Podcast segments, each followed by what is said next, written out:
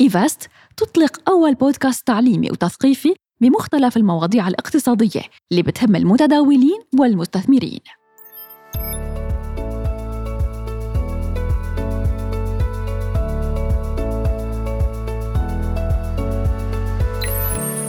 بعالم متغير ومتسارع لحظات قليلة ممكن تخلينا نغير قرارات مصيرية بحياتنا. content أو محتوى أو أفكار جديدة ممكن تخلينا نطلع على آفاق جديدة من خلالها نشوف مستقبلنا ونتوجه لخطوات تساعدنا بالعمل وتساعدنا بصناعة مستقبلنا. يمكن بطريقة ما كنا مفكرين فيها من قبل. آفاق جديدة كل يوم عم نتعرف عليها معلومات خطوات وأفكار يمكن ما كانت تخطر قبل على بالنا. هي اليوم بمتناول أيدينا عبر الإعلام بسهولة وكبسة زر وكليك. بإيفاستوك حنحكي مع مجموعة من الخبراء بمجال الاقتصاد والإعلام عن مجموعة أيضا من المواضيع اللي بتهم الشباب آه، بمجتمعاتنا وكيف ممكن تأثر على حياتهم. بأولى حلقات Evest Talk من منصة Evest للاقتصاد الرقمي. حيكون معنا آه، اليوم بنتشرف بضيفتنا هالة بسام مقدمة بسماشي TV صانعة محتوى عبر ال social media وأيضا content creator من الأشخاص الموهوبين والمؤثرين بعالم الاقتصاد والمحتوى الاقتصادي الرقمي. مرحبا يا هالة شكرا كثير لك وللاستضافة وشكرا كثير ل Evest. هلا اليوم كثير بنشوف في مجموعة من الاختلافات بين الإعلام الرقمي والإعلام الجديد إذا فينا نسميه إعلام المواطن وال social media والإعلام التقليدي اللي كان أيام زمان. هل بتشوفي هاي الفروقات قدمت opportunities أو قدمت فرص جديدة للإعلام؟ وشو هي الاختلافات الجوهرية يلي شايفتيها من وجهة نظرك؟ لا شك يعني صار في تغيير جذري يعني حتى أنا اشتغلت لفترة بالتلفزيون كمان. آه، ففعلا في تغيير حتى بعقلية الشغل آه، بالفترة الأخيرة. ال social media لعبت دور كتير كبير واللي يمكن العامل الأساسي كان اللي موجود موضوع السرعة. يعني حتى الخبر صار عم ينتقل عبر ال social media بطريقة سريعة جدا. آه، صار في تحديات للإعلامي حتى إنه يتحقق من الخبر بطريقة صحيحة. نشر المعلومات. كل هاي الأمور يعني تغيرت ما بين الإعلام التقليدي والإعلام الرقمي الآن والإعلام الجديد. فلذلك بحس إنه دور الصحفي آه، صار على عاتقه مسؤوليه كتير كبيرة. آه، هي شغلة أولى. موضوع السرعة والتحقق من الخبر أمر مهم جدا. ولكن صار الخبر بمتناول الجميع وصار كتير في ناس قادرين إنه ينقلوا الخبر. ما عادوا مقتصر فعلا نقل الخبر على الإعلامي أو الصحفي فقط. آه، فبتوقع كمان هي مسؤولية مجتمعية وفردية يعني. كأنك عم تقولي إنه هو السوشيال ميديا منح فرصة للحد من البطالة وعطى منصة للأشخاص اللي أيام زمان كانوا يستنوا مثلا تلفزيون معين يستقبل موهبتهم أو راديو معين يستضيفهم لحتى يكون في عندهم برنامج أو يمنحهم هي الوصولية أو هيدا ال access. يعني فينا نقول إنه اليوم السوشيال ميديا أيضا عطت فرصة عمل للأشخاص اللي عندهم موهبة أو حابين يقدموا محتوى للعالم عبر منصات التواصل الاجتماعي. لا شك وصار في مساحة جميلة من الحرية أنا بشوف. آه لأنه اللي عنده قدرة أنه يعمل مثلا المنصة الخاصة فيه أو يعني البرنامج الخاص فيه على منصات ومواقع التواصل الاجتماعي صار بيعملها بطريقته الخاصة آه بأسلوبه الخاص. ولكن يمكن لما كان آه مقيد شوي إلى حد ما بتلفزيون معين آه فهذا الشيء كان يلعب دور مثلا عند الصحفيين والإعلاميين. ولكن الآن في مساحة من الحرية عم تجذب العديد من صناع المحتوى إنه بس يبدأوا. ويعني هي دائما الشغلة اللي دائما بنقولها إنه بس بلشوا ابداوا بصناعة المحتوى اللي أنتم شغوفين فيه. طيب إلى أي حد ممكن اليوم صناع المحتوى والأشخاص يلي هن عندهم أفكار رياضية حابين يقدموها أو عندهم مواهب إعلامية قادرين يتحولوا توتالي بشكل كامل لعمل من آه، خلال منصات التواصل الاجتماعي لصناعة محتوى ك full time job هو يقدروا من خلاله يحصلوا على آه، عائد مالي آه، بيكفيهم وبنفس الوقت بيأمن لهم حياة مستقرة هل وصلنا اليوم لهي المرحلة بالعالم العربي؟ لا شك في العديد من يعني ال cases وال studies والافراد اللي فعلا عم بيحققوا آه، دخل من مواقع التواصل الاجتماعي. ويمكن دخل بصراحة حتى عالي مقارنة بالموظفين اللي عم بيقضوا 8 و9 ساعات من يومهم بالوظيفة والدوام الكامل. ولكن ليوصل الواحد لهي المرحلة خلينا نكون واقعيين شوي بده شغل بده استمرارية الموضوع بشكل كتير كبير. آه، بتذكر مرة من أحد الدورات اللي عملتها بمواقع التواصل الاجتماعي آه، صناعة المحتوى ذكرت آه، صانعة محتوى و influencer إنه للأسف صارت عندها حالة وفاة بالعيلة لشخص مقرب وغابت يومين عن النشر على السوشيال ميديا وكيف تدهورت الخوارزميات تبع حسابها فقط بسبب يومين. ومباشرة بعد هدول اليومين ما قدرت طبعا رجعت كملت شغل ونشر الصور. فهذا موضوع ما هين ما سهل يمكن انت بوظيفتك الكاملة آه، فيك تاخذي كم يوم إجازة وتفصلي شوي إلى حد إلى حد ما. ولكن منافسة شديدة. على مواقع التواصل الاجتماعي وصار في زخم كتير كبير من صناع المحتوى وأيضا المحتوى بشكل عام. آه، بحس لسه عنا مجال طبعا لنكبر تحديدا بالمحتوى العربي وبمنطقتنا العربية. آه، ولكن موضوع لتوصلي لمرحلة الدخل بده استمرارية بشكل يومي. بدك تعرفي شو نوع المحتوى اللي بيناسبك وبيناسب المتابعين الخاصين فيكي فبحس كتير في عوامل تلعب دور بهذا الموضوع لحتى يوصل الواحد لمصدر دخل قادر إنه يعيش فيه ويعيش حياة الرفاهية أيضا اللي بيطمح لها. هل بتشوفي كمان مثل ما ذكرتي إنه اليوم في عنا زخم وفي ال market متخم اليوم بصناع المحتوى يلي يمكن ما بقى لحقنا نحفظهم ما بقى لحقنا نشوف أو بنتفاجئ مثلا أنا فجأة مثلا بوصل ل page حدا من الأشخاص انستغرام بيكون عنده مثلا كذا مليون 2 مليون follower وأنا يمكن ولا مرة سمعانه فيه. هل بتشوفي اليوم إنه هذا الاختلاف بالشخصيات مناسب لاختلاف الجمهور؟ يعني هل لا زال الجمهور كل حدا يعني في مكان لإنه يصنع محتوى محبب فيه. يمكن الشيء اللي ما بيهمني يكون مهم بالنسبة لك يمكن الشيء اللي بيهمك جدا وهو برايورتي وبتحبي تسمعي عنه كل يوم هو يعني تماما شيء مختلف عن آه، ميول بقية الأشخاص. هذا الشيء بيعطي هاي المساحة للمؤثرين يختاروا مواضيعهم ولا بتشوفي أكثر إنه طريقة المؤثر بحد ذاته طريقة طرحه للمعلومات هي اللي بتميزه عن المؤثرين وصناع المحتوى الآخرين؟ بتوقع الموضوعين العاملين بيكملوا بعض ولكن مثل ما ذكرتي موضوع ال niche أو الشيء المحدد بالمحتوى أمر مهم جدا وبالعكس الناس بتطمح له. يعني بالبداية يمكن صناعة المحتوى اقتصرت على ال lifestyle بمنطقتنا العربية وال fashion وهي الأمور مثلا واللي لها ال target audience الخاص فيها آه ولكن حتى هذا صار في تحديات الآن. يعني مجرد إنك تكوني blogger على مواقع التواصل الاجتماعي وتنشري ال outfit تبعك لليوم مثلا صار غير كافي. صار فعلا لازم الواحد يصنع نوع من الفيديوهات. آه، حتى في تفاصيل صغيرة اللي هي ال subtitles طريقة الإلقاء مثل ما ذكرتي إلى آخره كل هي الأمور مهمة حتى بخوارزميات السوشيال ميديا والمنصات نفسها. ولكن أيضا آه، إنك تحددي نوع المحتوى اللي بتقدميه. الآن صار عندنا صناع محتوى متخصصين فقط بالاقتصاد متخصصين فقط بالعقارات مثلا.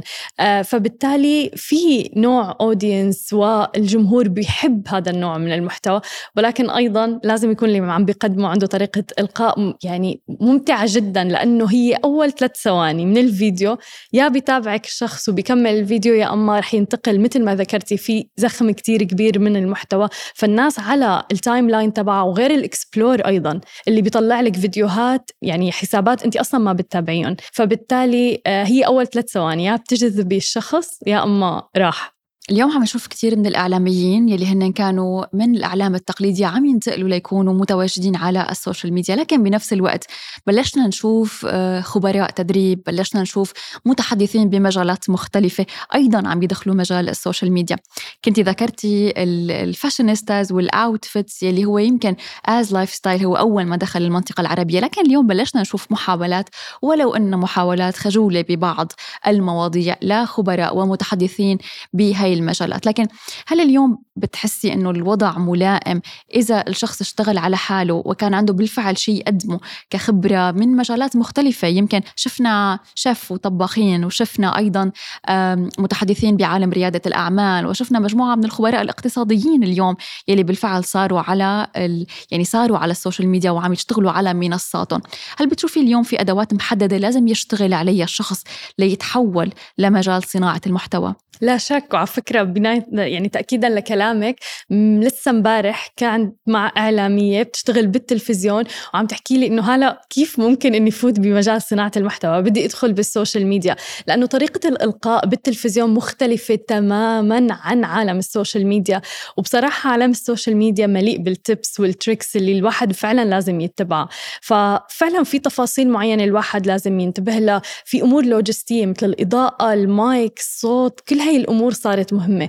قبل يعني ما كان كتير بصراحة في أهمية لهذا الموضوع ولكن المنافسة بسبب أنها زادت بشكل كتير كبير صار لأ فعلا المهم الواحد يكون في جودة بالإضاءة بالتصوير وأيضا بالصوت بالإضافة إلى ذلك مثلا أنت عم تقدمي خلينا نقول محتوى له علاقة بالقانون أو محتوى له علاقة بالاقتصاد وقد يكون جامد إلى حد ما. فما فيكي بس تقعدي قدام الكاميرا وتصوري وخلص. ما رح يوصل لجمهور كبير هذا النوع من الفيديوهات. فلذلك ال editing مطلوب والتعديل على الفيديو. إنك تحطي B-rolls وصور مدعمة للشيء اللي أنت عم تحكيه أمر مهم جدا. حتى مثلا موضوع ال subtitles حتى لو أنت عم تحكي بالعربي واللي يكون مكتوب حتى بالعربي أيضا صار أمر أساسي. ليش؟ لأنه في كتير ناس ممكن تكون عم تحضر الفيديوهات ومانا مشغلة الصوت. فبالتالي أنت بدال ما إنه يروحوا ويطلع عن الفيديو لا ممكن يكملوا إنه يحضروا حتى لو ما كان في صوت. آه، غير طبعا اللي بيحب يدخل لغة أخرى مثلا مثل اللغة الإنجليزية وأنت عم تحكي بالعربي. فكل هي العوامل مهمة جدا جدا جدا لتدخلي في عالم صناعة المحتوى والسوشيال ميديا. غير طبعا موضوع إمتى تنزلي ال post مثلا بناء على الدولة وال market اللي أنت بدك توصلي له؟ إمتى الوقت المناسب؟ حتى موضوع ال hashtags كم هاشتاج تحطي؟ ومنصة عن منصة مختلفة يعني الإنستغرام الخوارزميات تبعه كتير صعبة ولكن ممكن إنك تكبري بشكل كتير كبير على تيك توك بشكل سريع أيضا آه، و organic من دون ما تدفعي فلوس مثلا لإعلانات. ولكن في trends على تيك توك فكيف بدك تعملي هدول ال trends بناء على المحتوى الخاص فيك اللي انت بتقدمي.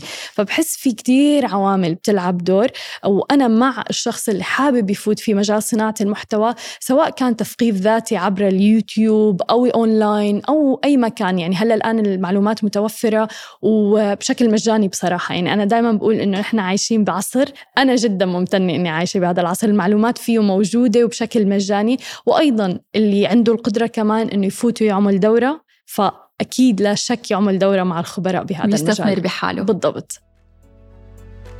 تداول الأسهم بصفر عمولة. وتمتع بإمكانية فتح وغلق صفقات التداول مع إيفست خلينا نروح لمجال الاستثمار والاقتصاد. كيف بتشوفي اليوم محتوى العربي على ال social media الخاص بالاقتصاد الرقمي؟ والله نحن بحاجة بصراحة ل يعني آه عالم أكثر. آه، تصنع محتوى له علاقة بالاقتصاد آه، توعية أكثر بهذا الموضوع. في أكثر من حساب الآن مشهورين بشكل كتير كبير على المنصات وتحديدا مثلا الإنستغرام بيحكوا عن الاقتصاد. ولكن أيضا ما ننسى كمية الإعلانات اللي بنشوفها للاستثمارات وهي الأمور اللي بتخوف الناس لأنه في منهم سكام في منهم مثلا الناس ما عم تعرف تحديدا الأمور له علاقة بالفلوس. فموضوع دائما حساس جدا أي شيء له علاقة بالأمور المادية. فأنا بشوف بشكل عام أنا من الشغلات اللي كنت دائما أحكيها إنه نحن بحاجة لاصلا إضافة مادة التوعية والثقافة المالية بالمدارس. فما بالك هلأ الآن على ال social media؟ أنا برأيي بحاجة نحن فعلا لصناع محتوى أو آه، نوع من ال production مثل مثلا إيفستوك نحكي فيه أكثر عن ما مدى أهمية الثقافة والتوعية المالية. هل اليوم بتحسي إنه لا يزال العالم العربي بعيد عن ثورة الأرقام والاقتصاد الرقمي وال social media يلي عم بعيشها الغرب؟ لا أنا بحس إنه بهالفترة عم نعيش الصراحة يعني لا عم نوصل عم نتطور بشكل أكبر يمكن هاي الصورة كانت موجودة سابقا ولكن الآن في دعم كتير كبير آه، لصناع المحتوى في فرص أيضا آه، صاروا عم بيقدروهم بصراحة آه، لأنه حتى عم نشوف براندات كتير عم بت تجهز يعني وعم بتحط وتخصص جزء من الميزانية تبع السنوية لل influencers وال content creators اللي موجود على مواقع التواصل الاجتماعي للترويج سواء كان للشركة الخاصة فيها أو البراند أو إلى آخره لأنه فعلا عم بيشوفوا إنه في صدى لهذا الموضوع. عم لاحظ كأنه بالفترة الأخيرة أو السنتين الماضيين بعد كمان كوفيد 19 وجائحة كورونا كتير في ناس يعني توجهوا أكثر لصناعة المحتوى ونجحوا. ومن ثم لاحظنا أنه في كتير من ال content creators والمؤثرين العالميين اللي عندهم ملايين المتابعين عم يتجهوا لدولة الإمارات العربية. نقلوا سكنهم أعمالهم أو على الأقل عم بيقوموا بزيارات دورية للإمارات.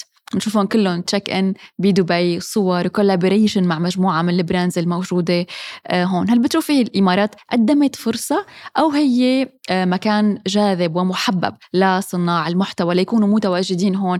أو مكان هيك بينجحوا فيه أكثر بيقدروا يشتغلوا فيه أكثر شو الميزات يلي بتشوفيها؟ هلأ أنا آه، يعني شهادتي مجروحة بصراحة لأنه أنا يعني تربيت هون إجيت عمري سنتين ونص هون بس دائما بقول إنه بلد الفرص بلد اللا مستحيل. آه ودائما عايشين نحن بالسباق هون وفعلا دائما دائما بنتعلم إنه نكون بالأول. فبالتالي في كتير عوامل لعبت دور البنية التحتية بدولة الإمارات سواء كنا عم نحكي عن الواي فاي كل شيء إلى آخره. هذا بيلعب دور كتير كبير لنجاح فعلا صناع المحتوى والإعلام الرقمي وغيره. آه وفعلا أنت مثل ما ذكرتي صارت help هون. لصناع المحتوى وأيضا المستثمرين وحتى الشركات الناشئة كل هاي الأمور لعبت دور كتير كبير. ويمكن بالفترة الأخيرة آه، زادت الإيفنتات اللي لها علاقة والفعاليات اللي لها علاقة بصناع المحتوى. عم نشوف أيضا آه، العديد من صناع المحتوى من حول العالم عم بيجوا واللي عندهم حتى أتوقع بالفترة القادمة في بديسمبر في فعالية أيضا بتجمع صناع المحتوى اللي عندهم ملايين المتابعين أيضا. فلذلك أنا بشوف أنه دولة الإمارات بتدعمهم بشكل كتير كبير. آه، حتى عم نشوف مثلا العديد من صناع المحتوى اللي لهم علاقة بصناعة المحتوى آه، الكريبتو العملات الرقمية. آه، بسبب هاي الإيفنتات عم تجمعهم دولة الإمارات ويمكن دبي تحديدا. وعم تعطيهم الفرص أيضا. بما انك ذكرتي الكريبتو والعملات الرقمية الجديدة قديش اليوم ال social media والمؤثرين عم بيكون لهم تأثير فعلي على خيارات الناس الاقتصادية؟ يعني كثير في أشخاص ما كانوا سامعين بالعملات الرقمية ولا الاستثمار الرقمي ولا حتى البورصة والعملات. أه قدرنا اليوم نوصل لمؤثرين حقيقيين يقدروا يشجعونا ناخذ قرارات اقتصادية ومالية بحياتنا نحو الاستثمار أو لا تزال بعد بتروفيا محاولات بسيطة. وخجولة بتأثر فقط على خياراتنا الشرائية أو مثلا نحن حابين نعمل shopping من brand معين أو عم نعرف أكثر brand معين لأشياء شرائية بسيطة. لا والله أنا شايفة تغيير جذري بهذا الموضوع. فئة الشباب مثلا آه، بشكل كتير كبير فئة الشباب يعني اللي عم بنتبه عليه إنه مثلا كانوا بفترة معينة ما حدا يحكي بالاستثمار. آه، كانوا سابقا حتى موضوع الادخار ما كان مفهوم موجود عندنا ولكن لما عم بيشوفوا لأنه السوشيال ميديا عم بتوصل قصص نجاح فعلا صارت على أرض الواقع فبالتالي عم بيشوفوا إنه آه أنا ممكن أحقق هذا النوع من الدخل بالإضافة لدخلي آه، من عملي ووظيفتي مثلا. فبالتالي أنا عم شوف فئة الشباب عم بيستثمروا بشكل كتير كبير آه، بالكريبتو بالأسهم وهذا الشيء بصراحة حتى من ضمن المحادثات بين الأصدقاء ما كنت أسمعه سابقا ولكن الآن عم نشوفه. بس أنا اللي دايما بحكيه وبأكد عليه موضوع أنه الواحد يعمل بحثه. حتى لو أنت بتتابعي influencer وهذا ال influencer رائع ومؤثر رائع جدا أيضا ومصدر للثقة على مواقع التواصل الاجتماعي ولكن من الأمر المهم جدا جدا جدا أنه أنت تنوعي مصادر البحث تبعك قبل الاستثمار بأي شيء وأيضا تعملي بحثك قبل ما تستثمري بأي شيء له علاقة بالكريبتو بالأسهم أو أي حتى قرار شرائي. يعني أنا ضد أنه الواحد مجرد ما أنه شاف شيء على ال social media يتجه مباشرة ويشتري أو إلى آخره. فدائما الواحد يحكم عقله بهذا الموضوع أمر مهم جدا. ولكن تغيير القرارات بالقوة الشرائية والسلوك تبع الفرد تغير بشكل كبير مع الإعلانات اللي عم نشوفها. يعني حتى آه، قرأت دراسة أيضا أنه الإعلانات عبر البودكاست آه، عم بتغير سلوك المستهلك بشكل كتير كبير أكثر من الإعلانات على التلفزيون مثلا رغم أنه الإعلانات على التلفزيون أغلى بكتير من الناحية المادية يعني. فبتوقع يعني ثورة ونحن بعالم طب what's next بهاي الثورة؟ يعني شو القادم بمجال الإعلام آه، وتحديدا المؤثر على الاقتصاد الرقمي؟ أه، بصراحة يعني في تطور في تغير دائم. وعلى بالنسبة مثلا صناع المحتوى آه لازم نواكب هاي التغيرات بشكل سريع جدا. يعني بتطلع منصة في منصات عم تطلع مثلا وتندثر. ما عاد بنسمع لشيء ولكن الواحد يعرف شو المنصات. مثلا منصة تيك توك انتشرت بشكل كتير كبير وما زالت منتشرة.